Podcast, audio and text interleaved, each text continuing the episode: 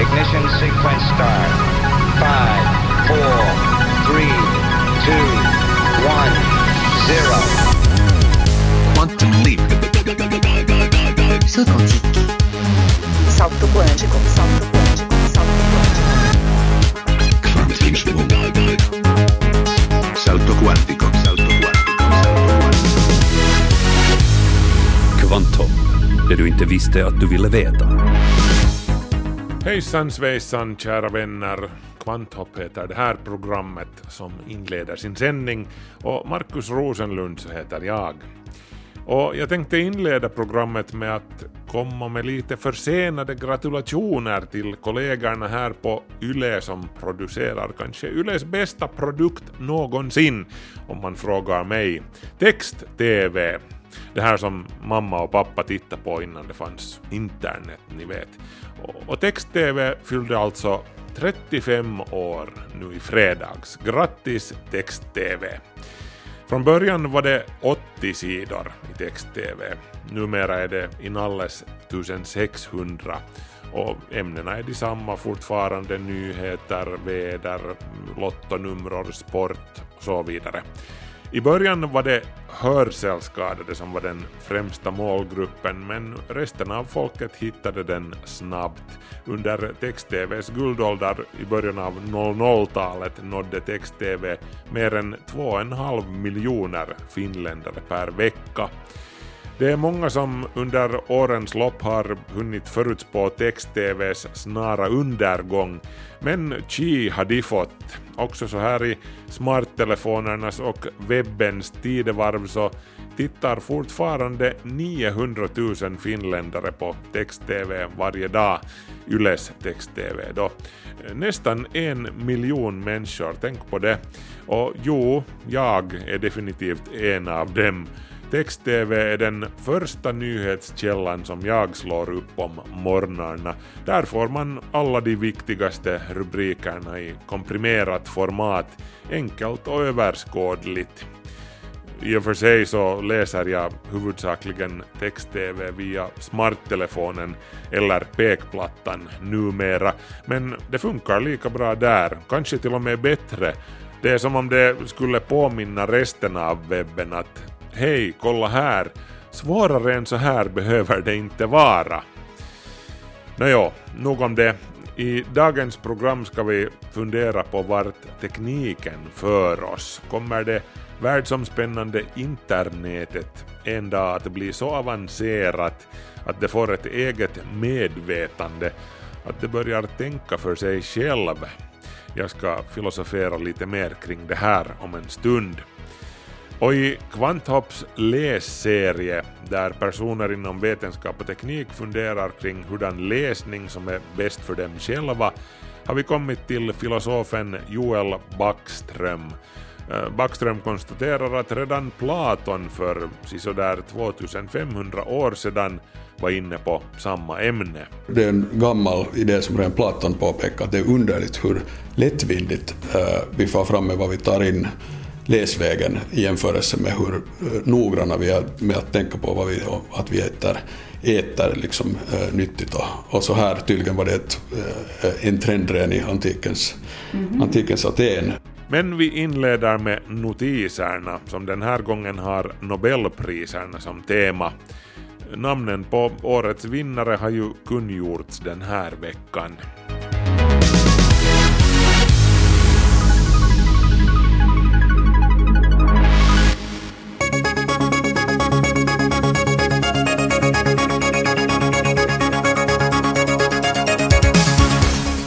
Den här veckan ska vi här i Vetenskapsnotiserna sy ihop veckans naturvetenskapliga Nobelpriser. Och det är ju fysikpriset som brukar betraktas som kungen i den kategorin. Världens mest eftertraktade vetenskapspris tilldelas i år till tre britter. David Thules, Duncan Haldane och Michael Kosterlitz. Och de får sitt pris för sina upptäckter av topologiska fasövergångar och materiefaser. Eh, topologi är ett matematiskt begrepp och handlar om att beskriva hur olika material går över från en fas från ett tillstånd till ett annat. Som när vatten blir is till exempel, men med mer exotiska tillstånd som gör att materialet får spännande nya egenskaper, som till exempel supraledning, då det leder ström helt utan motstånd. Den här forskningen kan i framtiden leda till nya supereffektiva kvantdatorer och annat häftigt. Michael Kosterlitz råkade faktiskt vara i Finland när budet om Nobelpriset nådde honom. Well, it was actually my wife who said, uh, please call this guy in Sweden, he, it's urgent. So i tried to call, couldn't get hold of him then, got various other phone calls, so, and the news came through. Kosterlitz befann sig i ett parkeringshus i Otnäs där han just nu jobbar fram till månadens slut. Hans fru ringde honom och sa att den här killen från Sverige har försökt få tag på dig, ring honom omedelbart. Men killen i fråga gick inte att få tag på direkt. Kosterlitz finska kollega skojade då att jaha, Sverige, då har du säkert fått Nobelpriset. Yeah, he's, he said that must be the Nobel, Pri- Nobel Prize. And I said, don't be silly. Äh, var inte löjlig nu, konstaterade Kosterlitz till det. Hur som helst, topologiska fasövergångar, det kan kännas som ganska svårbegripligt för oss vanliga dödliga, men ta ingen stress för det, det är det för Kosterlitz också. Mostly I, just, I, I sit and stare at papers trying to make sense of things. And nothing seems to make sense. And after all, physics is a story of Eh, 99% failure and maybe 1% success. Mesta delen av tiden sitter Kosterlitz bara och stirrar på ett papper utan att bli klok på det han ser. 99% av forskningen är misslyckande och 1% är framgångar, säger han. Nå, den här gången så gick det ju minsann som på Strömsö. Eh, Vad ska Kosterlitz göra med sin andel av den knappa miljonen euro då? So, but, and this will give me a chance to at least pay down some of the debts. Betala av skulder, så lyder det smått prosaiska svaret där. Det var Yle Uutisets Risto Mattila som intervjuade Michael Kosterlitz. Nåja, veckans övriga naturvetenskapliga nobelpriser. Först och främst priset i medicin eller fysiologi som kungjordes i måndags. Det går till Yoshinori Oshumi för sin upptäckt av autofagi. Ordet betyder bokstavligen självätande och handlar om hur kroppens celler bryter ner och återvinner sina egna beståndsdelar. Cellens avfallshantering helt enkelt. Störningar i den här processen kan leda till cancer och neurologiska sjukdomar. Och till slut Nobelpriset i kemi som kungjordes i onsdags. Det går till fransmannen Jean-Pierre Sauvage, britten Sir J. Fraser Stoddart och Bernard L. Feringa från Nederländerna. Och de får priset för sin planering och framställning av molekylära maskiner, bokstavligen maskiner bestående av några enstaka atomer, till exempel en molekylär motor, en nanobil och ett molekylbaserat datorchip. Den här tekniken kommer sannolikt att användas i framtidens material, sensorer och energilagringssystem. Grattis till alla årets vinnare, också från Kvanthopp.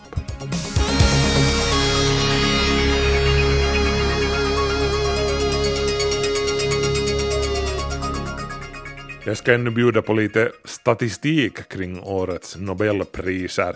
Den genomsnittliga åldern för årets mottagare av de tre vetenskapspriserna medicin, fysik och kemi är 72 år. Alla de belönade är män och ingen är yngre än 65 år. För hundra år sedan var den genomsnittliga nobelpristagaren 47 år gammal. Nobelisterna har alltså blivit betydligt äldre. Vad beror det här då på? Jo, enligt Gustav Källstrand, som BBC har intervjuat, han är alltså kurator vid Nobelmuseet, är orsaken till de allt äldre nobelpristagarna att för hundra år sedan fanns det kanske tusen fysiker i hela världen. Idag är de en miljon. Konkurrensen om priserna har därmed blivit mycket hårdare. Eh, mängden forskning är också mycket större. Det tar därmed mycket längre för Nobelkommittén att vada igenom allt material och bekräfta att det verkligen håller måttet och är värt ett Nobelpris.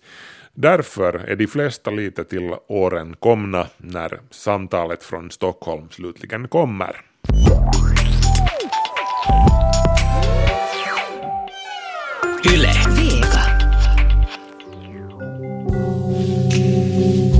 Det hänt dig någon gång att du tänker på någonting som du såg någonstans eller, eller på någonting som någon sa och, och sen för en sekund eller två är du tvungen att fundera att var det jag som upplevde det där eller var det någon annan? Var jag där på riktigt? Ja förresten, vad är på riktigt? Det här händer mig allt oftare. Facebook håller sakta men säkert på att ersätta mitt minne. Uppdaterade jag inte min status om det så hände det inte. Och gränsen mellan sånt som jag upplevde på riktigt och sånt som jag bara har varit ringside åskådare till, saker som jag har sett i mitt flöde, blir allt suddigare. Jag möter numera allt oftare folk som hälsar på mig som på en gammal bekant. De frågar mig hur frun och barnen mår, hur jag har det med hälsan. Oj, vet du vad din hund är söt? Vi hade också en sheltie då jag var liten. Och det enda jag kan tänka på är att vem är den där människan och hur känner hen mig? Nå, så fort jag lyckas lirka namnet ur personen i fråga utan att det blir alltför pinsamt uppenbart att jag inte har någon aning om vem jag talar med så lyser jag ju såklart upp. Aj, aj Gunilla, aj no, men hur, hur har din son trivts på Hanken? Hur var det i Barcelona? Snygga bilder från Sagrada Familia. Eller var det jag själv som tog de där bilderna? Har jag varit i Sagrada Familia? Funderar jag nu här plötsligt. Nå, eh, andra pinsamma situationer som uppstår är när jag möter de få av mina gamla barndomsbekanta som inte är på Facebook. Nå men morgens hej, ser du, ni skulle visst få barn eller? Jo, han avtjänar värnplikten som bäst. Jaha, okej. Nå, men hur som helst, nog med small talk nu, för det har redan börjat. Förlossningen är igång och som med de flesta förlossningar så involverar det skrik och smärta och blod. Alltså va? va, va vad talar jag om nu? Jag talar om det att en ny superorganism håller på att bli till och du och jag är celler som ingår i dess embryo. Välkommen till The Matrix, eller vad den än kommer att vilja bli kallad. De individuella cellerna i den här superkroppen, av vilka jag är en, sitter i morgontåget och var och en av oss är försjunkna i våra personliga skärmar. Vi reagerar på saker och ting som händer här hemma eller i USA eller i Aleppo. Det är allt blekare pendlare, allt allvarligare ansikten som stirrar ner i skärmarna numera. Jag tittar upp ibland på de andra. De märker nästan aldrig att jag tittar på dem. Men jag märker att de inte är helt okej, för jag, jag känner dem på något vis. Eller åtminstone så känner jag av dem. Jag känner av den tilltagande verken i vår gemensamma kropp.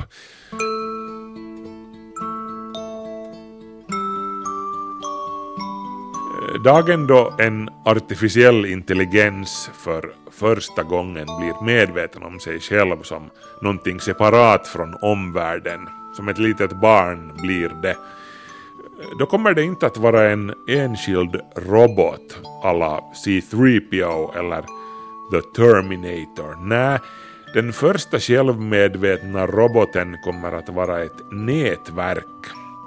Ett socialt nätverk, det är min gissning. Vi är redan på väg åt det hållet faktiskt. Vi är fortfarande en bra bit därifrån men vi rör oss stadigt åt det hållet. Vi människor, vi uppkopplade människor, vi har redan börjat reagera nästan som ett kollektivt sinne. Fortfarande ett väldigt primitivt sådant, ett förvirrat och skräckslaget sådant. Inte som starflocken som böljar fram över hösthimlen i harmoniska mönster med de enskilda fåglarna som intuitivt bildar en enda superorganism. Inte heller som de biljoner individuella celler som rör sig över operans scen i skepnaden av en vackert koordinerad ballerina. Nej, nej, vi är långt från den nivån ännu. Två miljarder Facebook-användare låter som mycket, men det är bokstavligen ingenting jämfört med den mängd celler som krävs för att bilda en hjärna eller någon annan sorts medvetet nätverk. Vårt kollektiva uppkopplade nymornade protosinne är fortfarande inkapabelt att analysera sin situation rationellt och det reagerar som nyfödda ofta gör med rädsla, chock och skrik. Det gör uppror. Det stöter ifrån sig allt som är skrämmande. Det röstar fram kandidater som lovar att göra sig av med allt det nya och farliga. Instinktivt ropar det nej till allting. Bort med allt skrämmande. Instinktivt försöker protosinnet göra sig av med konkurrerande överliggande strukturer från den inom citat gamla världen. Eh, det säger nej till EU, det vill portförbjuda flyktingar. I sin förvirring röstar det fram kandidater som Donald Trump trots att sinnet viskar att han inte vill vårt bästa på riktigt. Han ljuger. Han vill se till oss på samma sätt som reven vill se till hönorna i hönshuset. Men vårt kollektiva primitiva protosinne bryr sig inte. Det bryr sig inte om fakta eller om inom citat sanningen.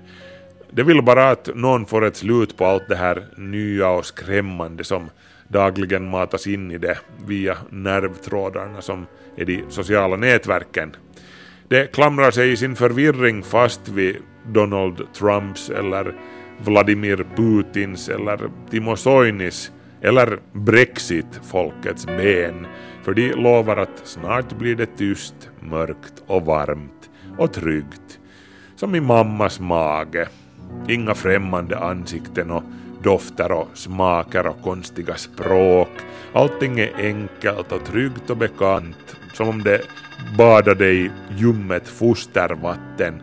Alla ljud och allt ljus är dämpat och avlägset. Comfortably numb som Pink Floyd sjunger.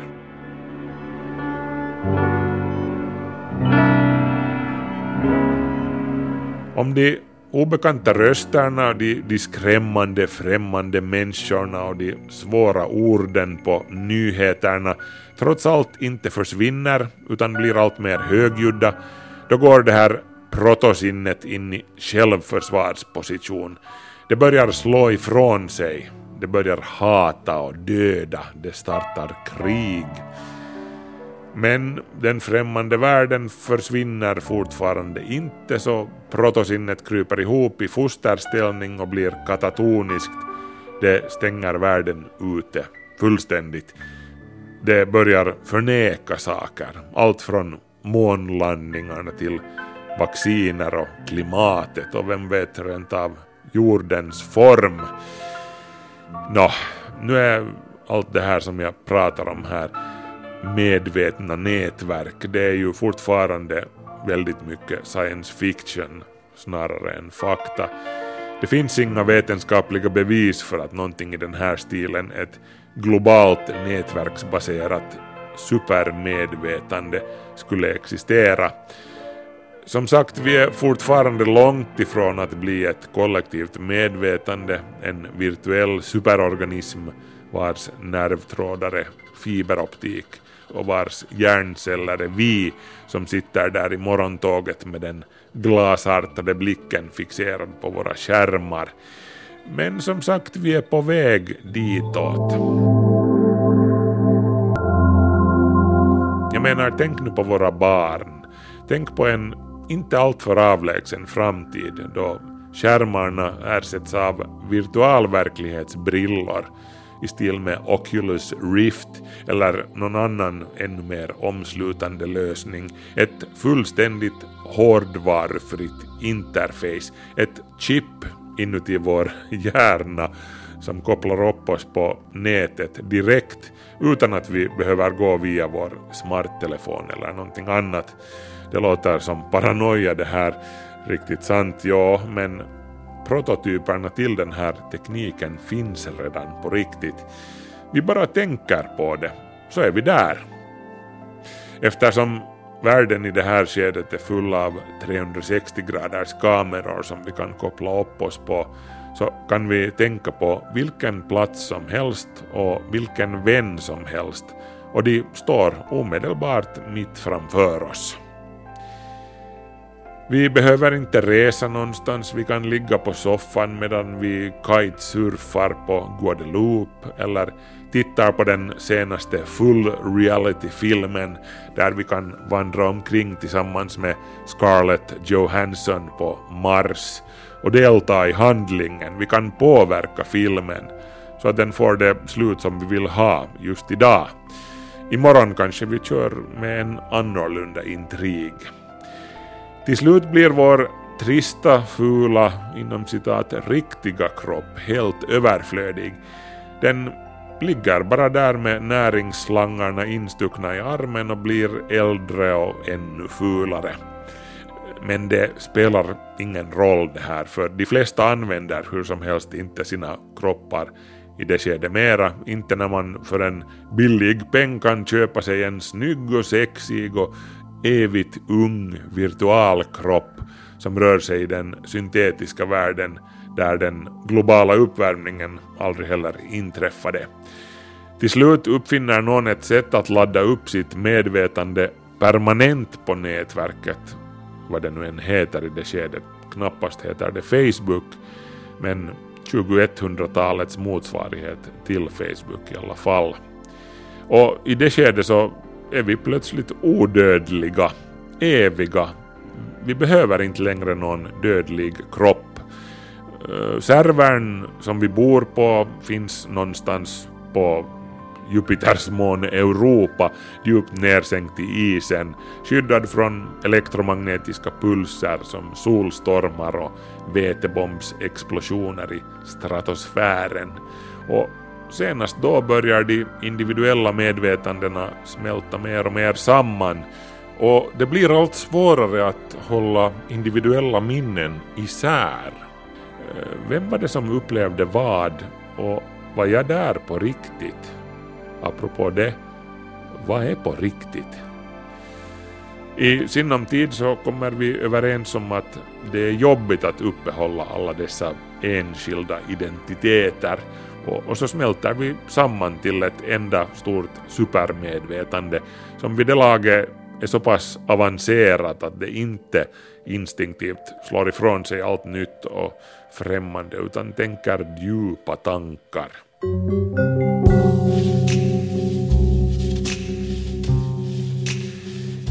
Jo, men såklart är det här ju fria fantasier det här, men sedan när är det förbjudet att fantisera?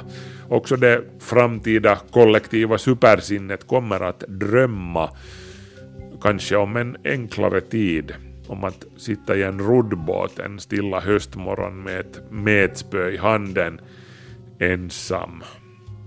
Fast de här Kuberdrömmarna gäller ju hur som helst bara en relativt liten privilegierad del av mänskligheten. De flesta av jordens invånare kommer oberoende att leva i misär och utan rent dricksvatten och dö då torkan tar körden och havet stiger upp över farstutrappan ouppkopplade in i det sista. Men kanske det framtida vi, Super-Siri, i det skedet har en lösning på allt det här. Eller så inte. Kanske så är hen inte mycket bättre än vi var, utan fortsätter att titta på kattvideor inuti sitt huvud tills solen får slut på vete i kärnan och sväller upp och äter de innersta planeterna. Apropå ingenting förresten, du var ju på, på Bali nyss läste jag. Snygga snorklingsbilder från korallrevet där. Eller, eller var det jag som tog dem? Hmm.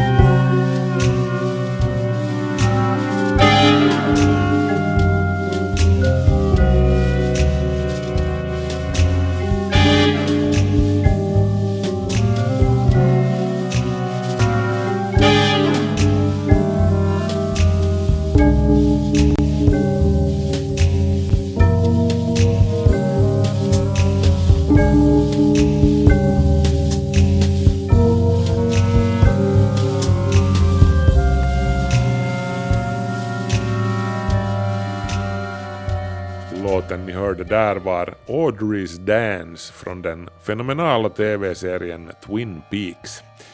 Nu är det dags för det tills vidare sista avsnittet i vår serie om att läsa för att leva. Tänk på all text som du intar under en vecka. Sociala medier, mail, googlade texter, tidningar, tidskrifter, fakta, litteratur, romaner med mera, med mera. Vilket av allt det här är på riktigt viktigt för dig?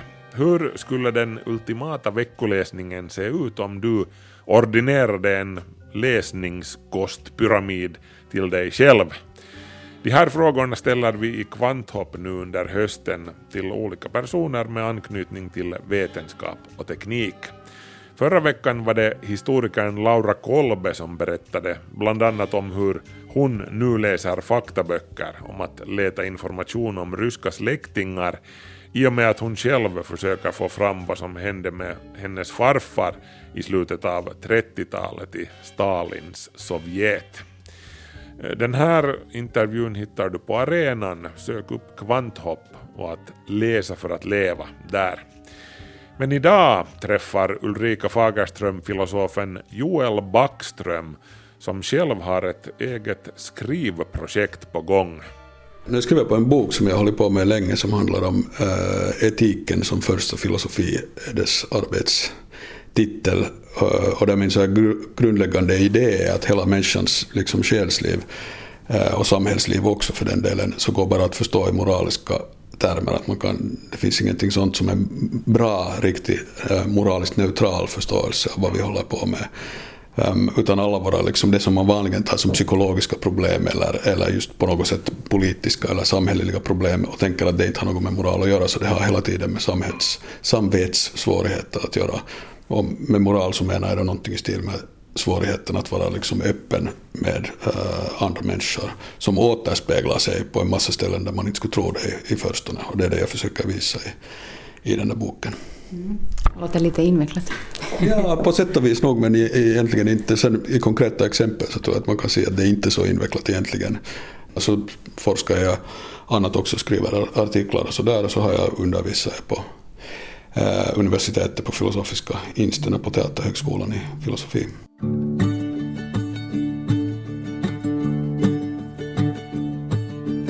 Precis som de andra intervjuade i den här serien så har filosofen Joel Backström fått i uppdrag att fundera ut hurdan läsning han skulle rekommendera till sig själv. Med läsning menas då här alla former av text. Valet är fritt. Texter är ju tankar, idéer, förhoppningar, drömmar och mycket mer. Och beroende på vad vi väljer att läsa så fyller vi ju våra huvuden med olika saker. Så i viss mening kan man ju tänka på läsning som näring. Och om vi då tänker på hur noga vi stundvis är med vad vi äter och vi har till exempel finländska och nordiska näringsrekommendationer för att göra det riktigt rätt. Så vad behöver vi då i det här sammanhanget? Vad och hur behöver vi läsa för att fungera i samhället, i våra liv och för att må bra? Vad var då filosofen Joel Backströms första tankar då han fick i uppdrag att fundera på det här? Jag började spontant att fundera eh, sådär först egentligen om hela, på den här jämförelsen mellan eh, mellan då vad man ska äta på riktigt vanlig mat och vad man ska ta, inta i andlig spis genom att läsa. Eh, och det är ju för det första så är det ju det är en gammal idé som redan Platon påpekar, att det är underligt hur lättvindigt uh, vi får fram med vad vi tar in läsvägen i jämförelse med hur uh, noggranna vi är med att tänka på vad vi, att vi äter, äter liksom, uh, nyttigt. Och, och så här tydligen var det ett, en trend redan i antikens, mm -hmm. antikens Aten. och Platon, liksom, gör, eller Sokrates då, genom Platon, gör sig rolig eh, eh, eller lustig över just det här att man inte att man är grymt noga med vad man, att man inte ska äta något onyttigt och sen tar man in tanklöst precis vad som helst eh, från en bok eller, eller då går och lyssnar på vad någon säger. Ehm, så att, eh, så att vad man, den där andliga spisen är förstås det viktigaste man har att fundera på här i livet egentligen. Att vad, är det, vad är det man tar in? Men då blir frågan förstås alltid att det, det fungerar ju inte som vanlig mat där man liksom äter och sen tar matsmältningen hand om det av sig själv så att säga. Utan eh, man måste vara aktiv. Man måste smälta den där tanken, den där andliga spisen själv förstås. Så den gör, gör det inte av sig själv så att allt hänger på förstås i vilken anda man läser eh, det man läser. Um, att man kan ha, det finns förstås en skillnad mellan bra böcker och dåliga böcker, det är helt klart. Eh, men också den bästa bok, så om du läser den utan tanke så kommer den inte att hjälpa dig alls. Eh, och därför kan man ju säga som Lichtenberg sa att böcker är som speglar, tittar en apa in så är det knappast en apostel som tittar ut. Eh, du, eh, den där boken kan inte göra i sig själv automatiskt någonting åt dig, utan det är som ett samtal, att du måste vara med själv aktivt gå in. Man kan inte, bara, man kan inte lyssna passivt, utan att på riktigt lyssna genast betyder liksom att man har något att invända eller tillägga eller, eller ifrågasätta. Um, så att man måste alltid läsa med eftertanke och då blir det förstås i en viss mening inte jätteviktigt vad, vad man läser. Um, att också den sämsta bok kan lära en väldigt mycket. Den sämsta bok kan lära en mer än den bästa bok i en viss mening om man, om man läser det med, uh, med eftertanke. Hur då? Uh, jag tänker så här att, alltså, um, att man kan läsa liksom jag menar för det första, de flesta böcker som skrivs är fantastiskt dåliga. Och förstås det mesta som skrivs är, är fantastiskt förvirrat på en massa olika sätt. Men man kan alltid läsa det som symptom så att säga. På att hur kommer det sig att man kan tänka så här underligt som folk uh, ofta, som vi tenderar att uh, uh, tänka. Och då genom att försöka liksom tänka igenom var den där förvirringen ligger, varför det är frestande att tänka på ett visst sätt, så kan man lära sig väldigt mycket.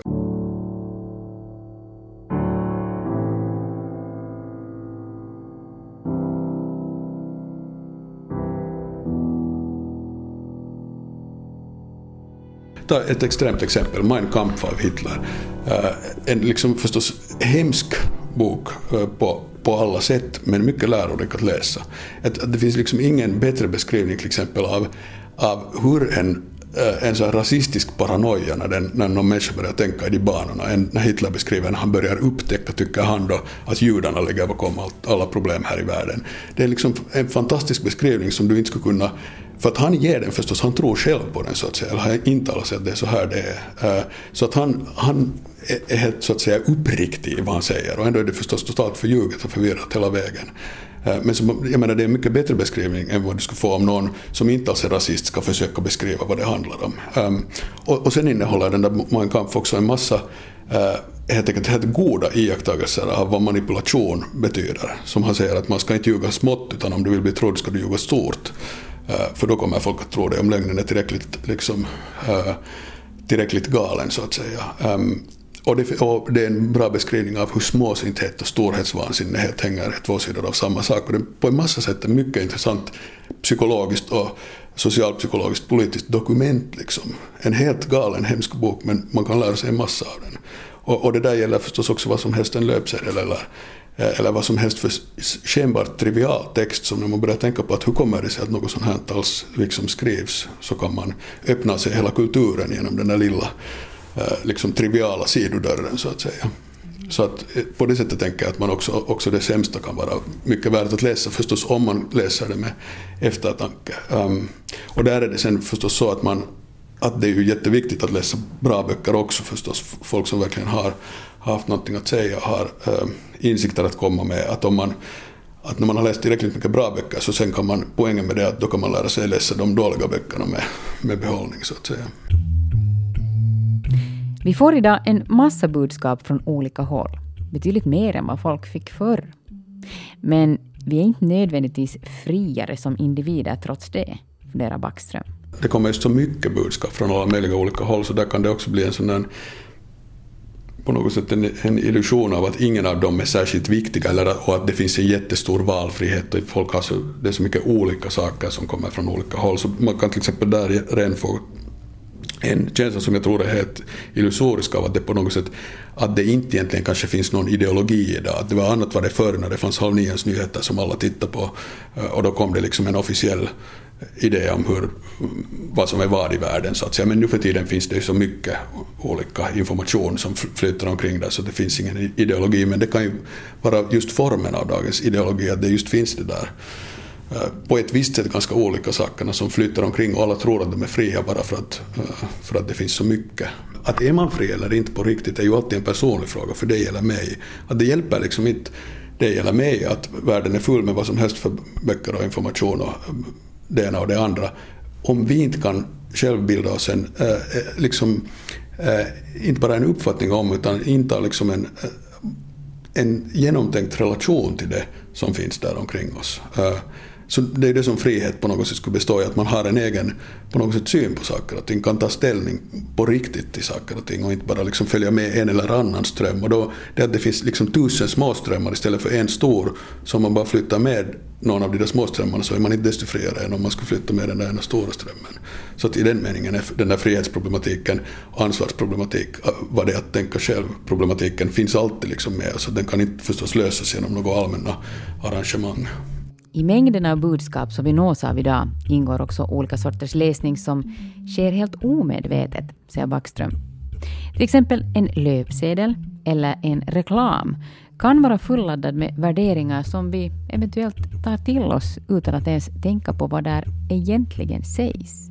Då att försöka vara, bli klar över att på vilket sätt är det som den talar till mig, eller är menad åtminstone att, äh, äh, att tala till mig, är viktigt. För att annars så kommer den att göra det anyway. Och, så kommer jag att bli påverkad utan att jag har eh, tänkt efter över det. Så att, att den sortens, att mycket av den viktigaste kanske läsningen som vi gör är sånt som vi inte alls själv tänker på att vi alls eh, överhuvudtaget läser någonting och det är ingenting som vi har valt eh, och så här utan vi bara eh, det är så som ju en, så just en allmän kulturell liksom stämning och eh, tidsanda upprätthålls just genom de här så att säga, på ett sätt anonyma budskapen som hela tiden eh, vi mer eller mindre anonymt riktar till varandra. Joel Backström, som du hör nu, är alltså heltidsfilosof och läser överlag mycket i sitt arbete. Ibland kanske mer än jag borde också. För det verkar ibland att man nu tänker jag egentligen närmast på så, här, så, att säga professionell läsning som jag förstås, eftersom jag är akademisk forskare så måste jag följa med mitt, äh, mitt område. Alltså vad som skrivs av samtida filosofer, akademiska filosofer. Um, och där, där jag tycker faktiskt att det mesta av det är ganska um, värdelöst av, av olika skäl men man måste nu liksom så att säga följa med det ändå. Där finns många olika saker som spelar in, bland annat en, en sorts idé om att filosofi borde vara någon sorts vetenskap som det i, i någon sorts, inte nu direkt naturvetenskaplig men sån här, någon sorts halvempirisk mening, vilken filosofi aldrig kan vara och sen när man försöker göra det till det så blir det bara, resulterar det i en sån uh, total trivialisering av filosofin. Um, på något sätt. Och, sen har det att göra med att man förstås att det i akademisk filosofi, liksom i akademisk vetenskap annars så har, blir det så mycket sådana eh, revirstrider och man försöker inmuta sitt eget äh, lilla revir och hålla på med det och man vill inte prata med andra för att man inte vill, äh, liksom man är rädd att förlora sin position så att säga eller, eller sätta någonting på spel. Så man försöker spela tryggt och, och, och, och dra framåt sin karriär istället för att på riktigt försöka tänka på på en sak och se vad man kan förstå av den.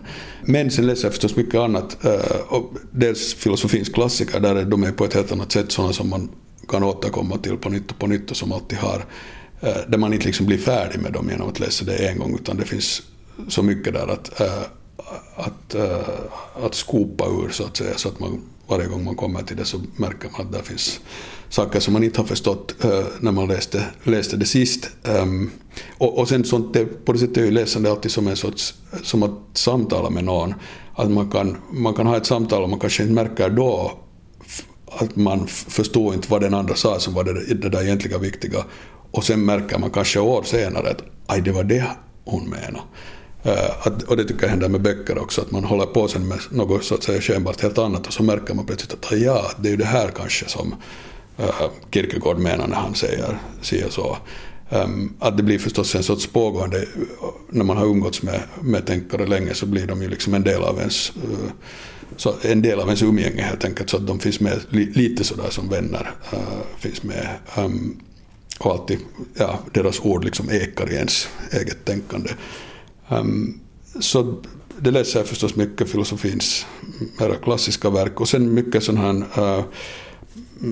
all möjlig, liksom både alltså annan vetenskap, historia, psyko och sånt där och populär vetenskap och liksom mera reportageböcker och så här. Vi brukar ha ganska mycket på gång liksom så där parallellt. Att, som för tillfället till exempel läsa en bok om kriget mot droger, alltså The, Drug on, uh, The War on Drugs, dess historia och en annan bok om, um, om familjedynamiken i, den, i det antika Greklands, uh, Eh, helt enkelt hur familjedynamiken där eh, förklarar på ett visst sätt eh, hur den grekiska kulturen liksom annars såg ut och alla dess, ehm, dess särdrag. Ehm, och en tredje bok om en man som, som det där försöker ta reda på hur det är att vara ett djur och därför lever som ett djur. Att han liksom på riktigt, för att förstå vad det är att vara grävling så går han ner och bor i ett grävlingsgryte och så här i några månader. Ehm, så att, nåja, men allt möjligt. Har du alla de där på gång samtidigt? Äh, ja,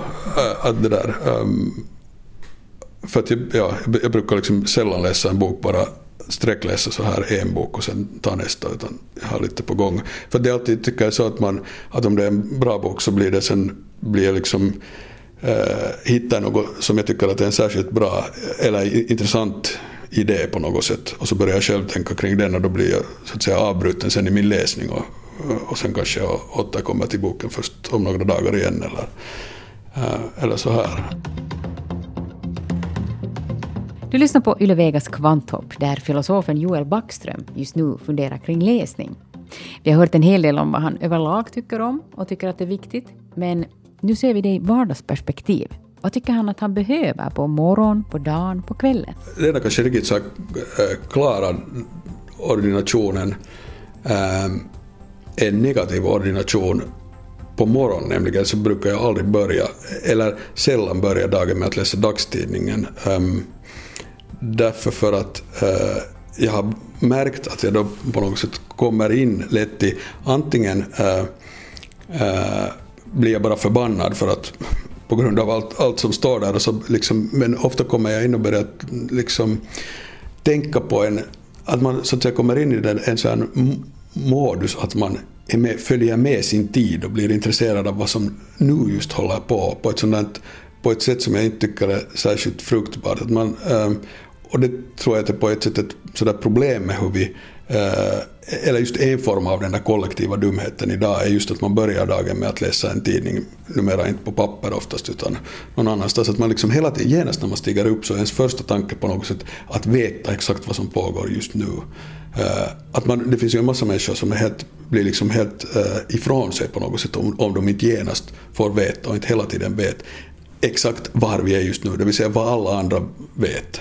Eh, och det tycker jag är en jätteunderlig inställning. Varför skulle det vara, hur kan något som är viktigt till exempel överhuvudtaget vara sånt att det bara ska vara viktigt idag och sen inte imorgon? För de här samma människorna är förstås sådana som sen inte dagen efter alls är intresserade av gårdagens tidning. För då, utan då är det ju tvärtom helt onödigt, vem skulle vara intresserad av sånt, utan det bara handlar om att hänga med liksom hela tiden. Alltså på något sätt i någon mening är idén att tänka på exakt samma saker som alla andra tänker man sig tänka på just nu. Uh, och det tycker jag att det är en uh, är ju just ett, ett, recept för att inte någonsin, man, man liksom vägrar att ge sig själv någonsin tiden att tänka på någonting själv uh, ur ett helt annat eget perspektiv på något sätt. För det kommer per definition aldrig att vara ett sånt perspektiv som alla andra, all, andra liksom delar.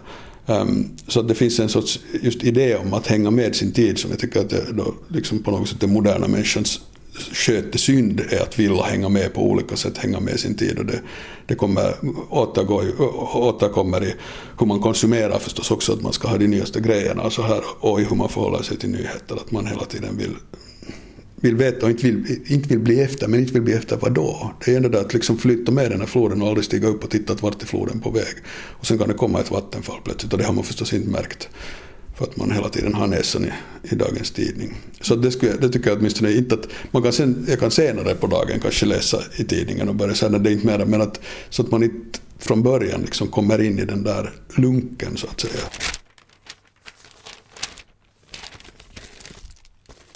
Nu, nu, jag, av dagstidningar läser jag faktiskt sådär äh, dagligen, eller så att säga ofta, egentligen bara Husis, inte för att den är särskilt bra, eh, utan för att det nu är den finlandssvenska tidningen och följer med vad den finlandssvenska debatten är. Och sen läser jag på nätet liksom om enskilda teman. Eh,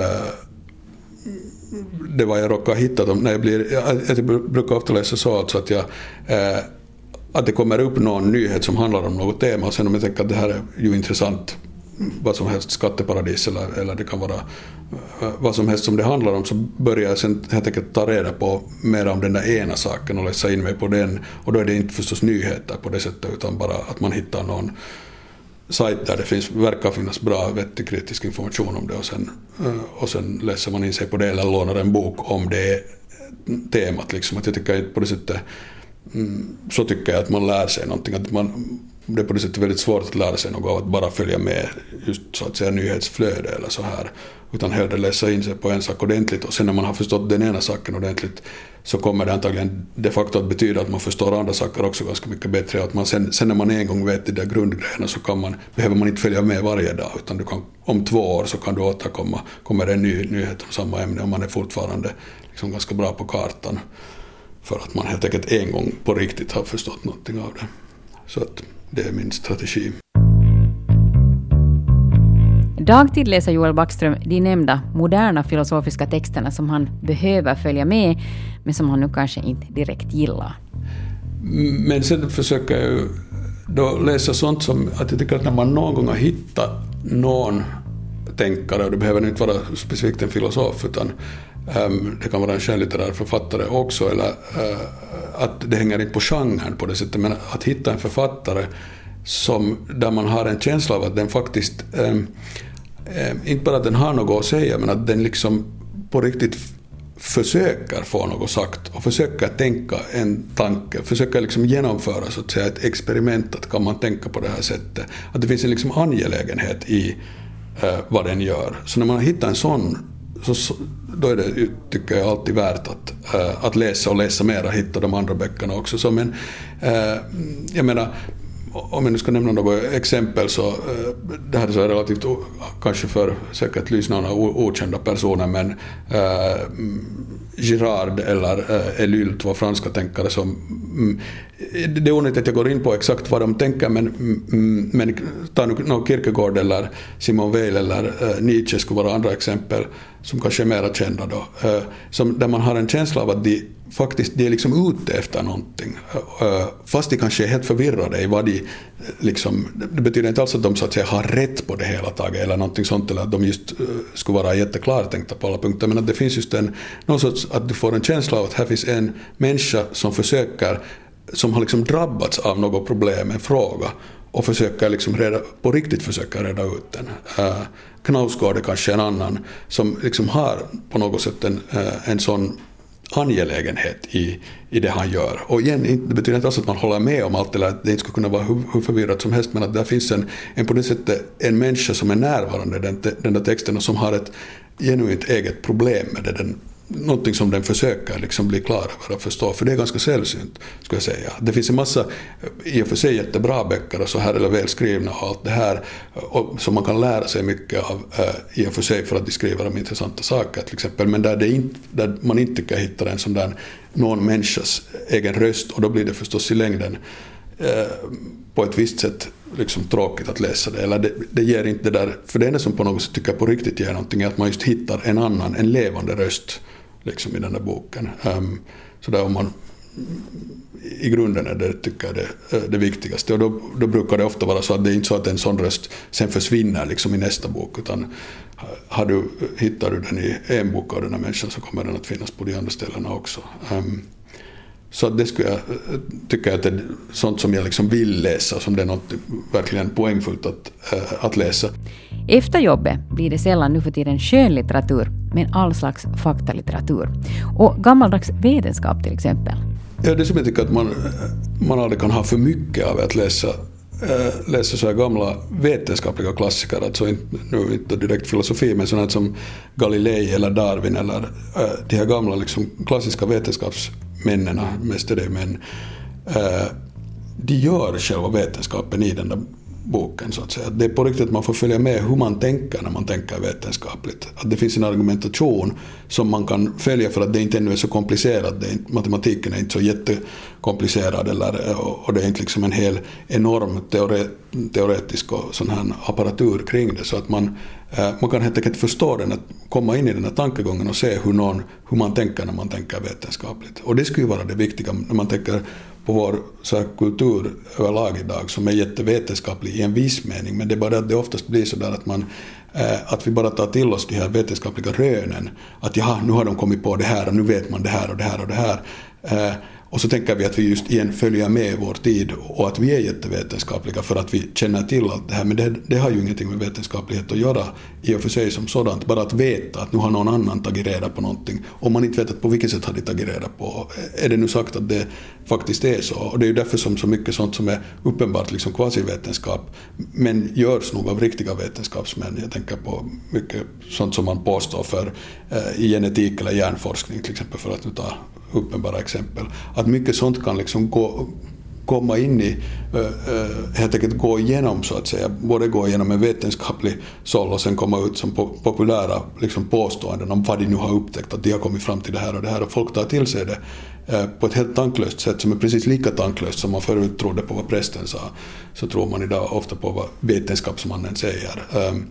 Jag menar, det här är inte något argument mot att läsa populärvetenskap, utan jag menar bara att det finns en, ett tanklöst sätt eh, och ett sensationalistiskt sätt ofta också att, eh, att läsa det som inte är bra, men som, man, eh, som är något helt annat igen än att läsa Galilei till exempel och läsa när han argumenterar för varför det finns solfläckar. Att det är liksom att på riktigt helt enkelt en skola i att tänka vetenskapligt i motsats till att bara följa med vad vetenskapsmännen påstår sig ha kommit fram till. Eh, så det tycker jag alltid är roligt att läsa, sån vetenskap som är just i en viss mening så primitiv att man kan förstå den men den är inte tankemässigt primitiv utan det är bara, man behöver inte vara specialist så att säga förstå det utan man kan helt som en tänkande människa förstå hur, hur argumentationen har gått.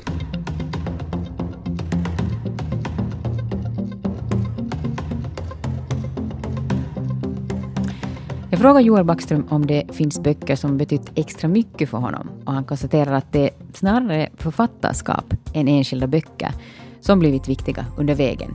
Och det är då främst frågan om filosofer som Wittgenstein, Kierkegaard, Nietzsche och Simone Weil som alla har öppnat nya perspektiv. Men en bok kommer han att tänka på. Och sen förstås, jag menar Bibeln är ju sån, tycker jag nog att den um att det finns i Nya Testamentet en sån där en, eh, där finns allt möjligt som är underligt och så här också, eh, men så finns det nog liksom ansatser till på något sätt en väldigt radikal kritik av, eh, av allt vad socialt tjän och makt och sådana relationer vill säga.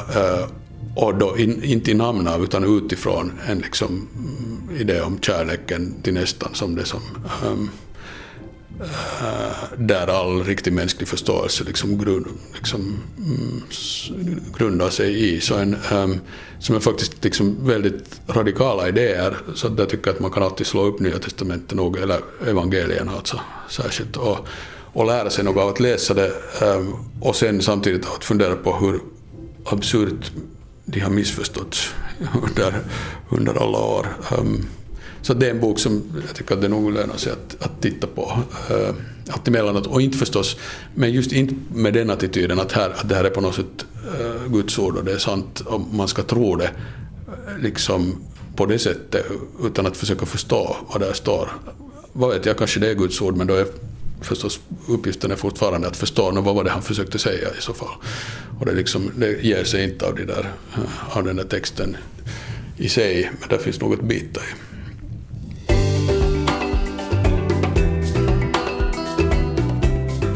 Så här, inte, inte som kostpyramiden brukar vara, utan med ett streck rakt här. Alla som intervjuas i den här serien får till sist rita upp en kostpyramid för sin läsning. Det vill säga vad man tycker att man behöver inta, till exempel under en vecka. Så det som vi har näringsrekommendationer för mat, men nu då istället för den egna läsningen.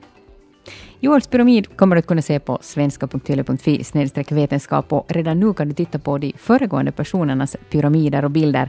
Där finns sådana som astronomen Thomas Hackman, medeltidsforskaren Thomas Heikkilä, akademisekreteraren Åsa Lindberg, biologen Anders Albrecht och historikern Laura Kolb. Joel Backströms bästa läsning får nu de sista orden. Jag tycker det bästa är när det på, ett, på något helt otippat ställe uh någon som man aldrig har hört om, eh, liksom ramlar man över någon bok som sen så slår man upp det och så börjar man läsa och märker att det här är ju helt otroligt, något som man inte alls har liksom tänkt på tidigare. Det händer eh, sällan, men det händer alltid emellanåt. Det är nog på något sätt, om inte det skulle finnas så skulle det nästan inte vara någon poäng att öppna en bok någonstans, någonsin. Det var Ulrika Fagerström som talade med Joel Backström. Kvanthopp, det du inte visste att du ville veta. Nåja, gott folk, nu är det så att Kvanthopp har kommit till ändhållplatsen för den här gången. Eh, vi hörs om en vecka. Får ni tråkigt medan ni väntar så kan ni alltid titta in på vår Facebook-sida. Där finns det alltid någonting nytt och fräscht. Markus Rosenlund så heter jag och jag säger tack för sällskapet. Vi hörs. Hej så länge.